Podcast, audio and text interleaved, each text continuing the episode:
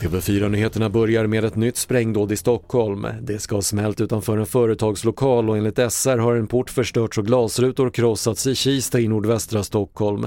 Det finns inga uppgifter om personskador och morgonens sprängdåd är det nionde i år. En skottlossning inträffade i centrala Norrköping under natten. Polisen som fick larm om höga smällar utomhus säger att man har hittat vad man tror är brottsplatsen och gjort en del fynd men ingen har skadats eller gripits. I Peru väntas nya protester mot president Dina Boluarte som manar de som beger sig till huvudstaden Lima att samlas lugnt och fredligt. Undantagstillstånd är utlyst i Lima och tre andra regioner till följd av protesterna som krävt minst 42 människors liv de senaste veckorna.